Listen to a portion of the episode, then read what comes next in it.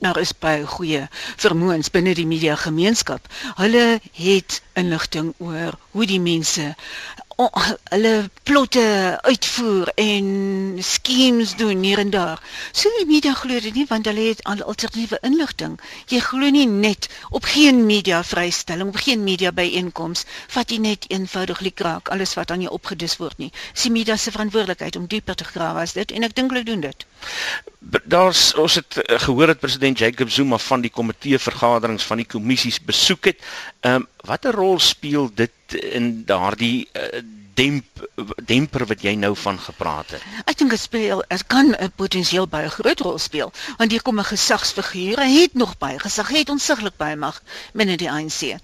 Hier kom en hy kom wys wat uh, hy stel belang en dit is nie so seer dat hy intimideer of hy besprekings probeer stuur in 'n sekere rigting nie, maar broer feit dat hy teenwoordig is en sy teenwoordigheid insit. Almal weet wat sy voor voor wat sy voorkeure is uh, om daar om uit die beleids in posisies de besprekings te kom.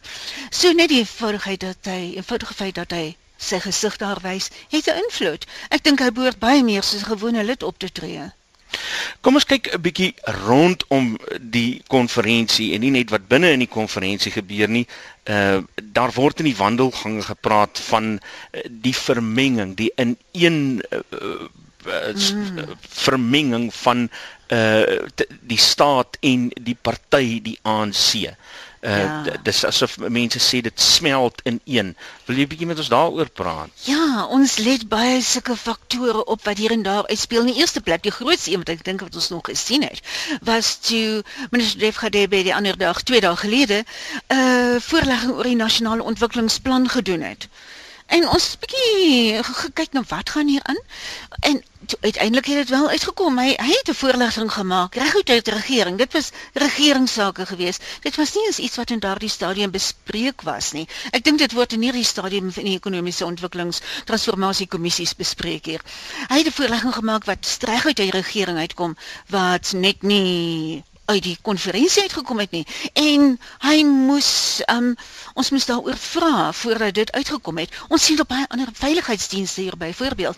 Ons sien blou ligte vergesel die busse wat van die hotelle aan die noordelike kant van Johannesburg hier na Nasrek toe kom.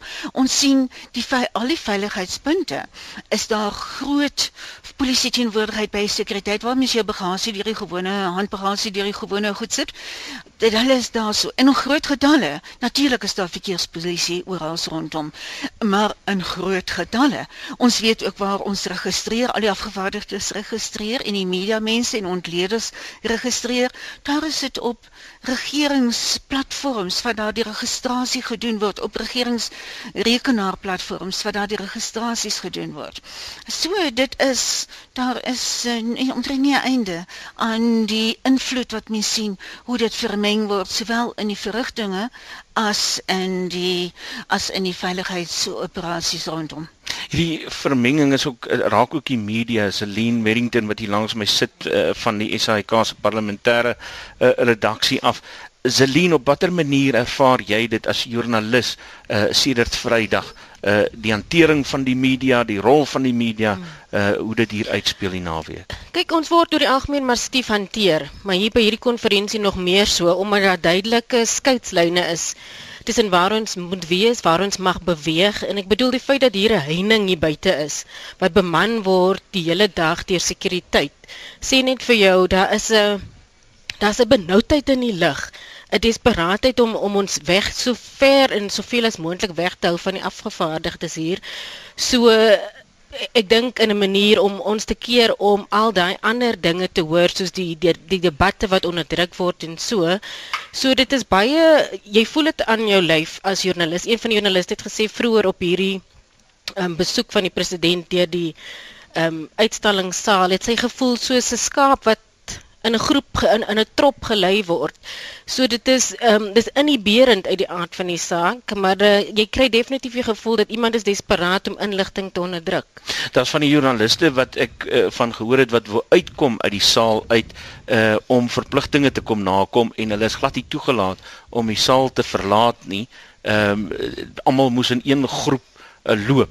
Ehm um, is dit is dit 'n gesonde stand van sake vir uh, vir die hantering van die media op die manier?